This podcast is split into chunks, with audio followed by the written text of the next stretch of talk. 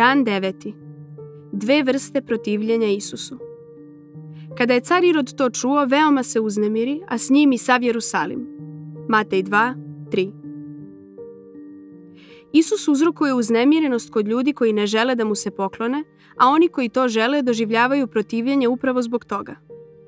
Matej verovatno nije smatrao da je to glavno u njegovom tekstu, ali to je nerazdvojivo upleteno u nastavak ove priče.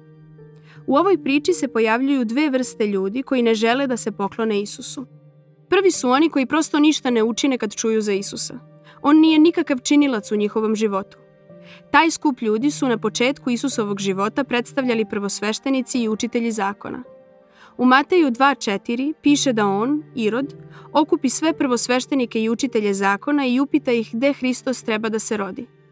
Oni su mu to rekli i to je bilo sve. Svi su se vratili svojoj svakodnevici. Toliko ćutanje i nepreduzimljivost vođana zapanjuje u svetlu značaja tadašnjih događaja. I zapazite da u Mateju 2.3 piše Kada je car Irod to čuo, veoma se uznemiri, a s njim i sav Jerusalim. Drugim rečima, naokolo se govorkalo kako neko smatra da se rodio Mesija. Mrtvilo prvosveštenika nas preneražava. Zašto nisu otišli s mudracima? Nije ih zanimalo.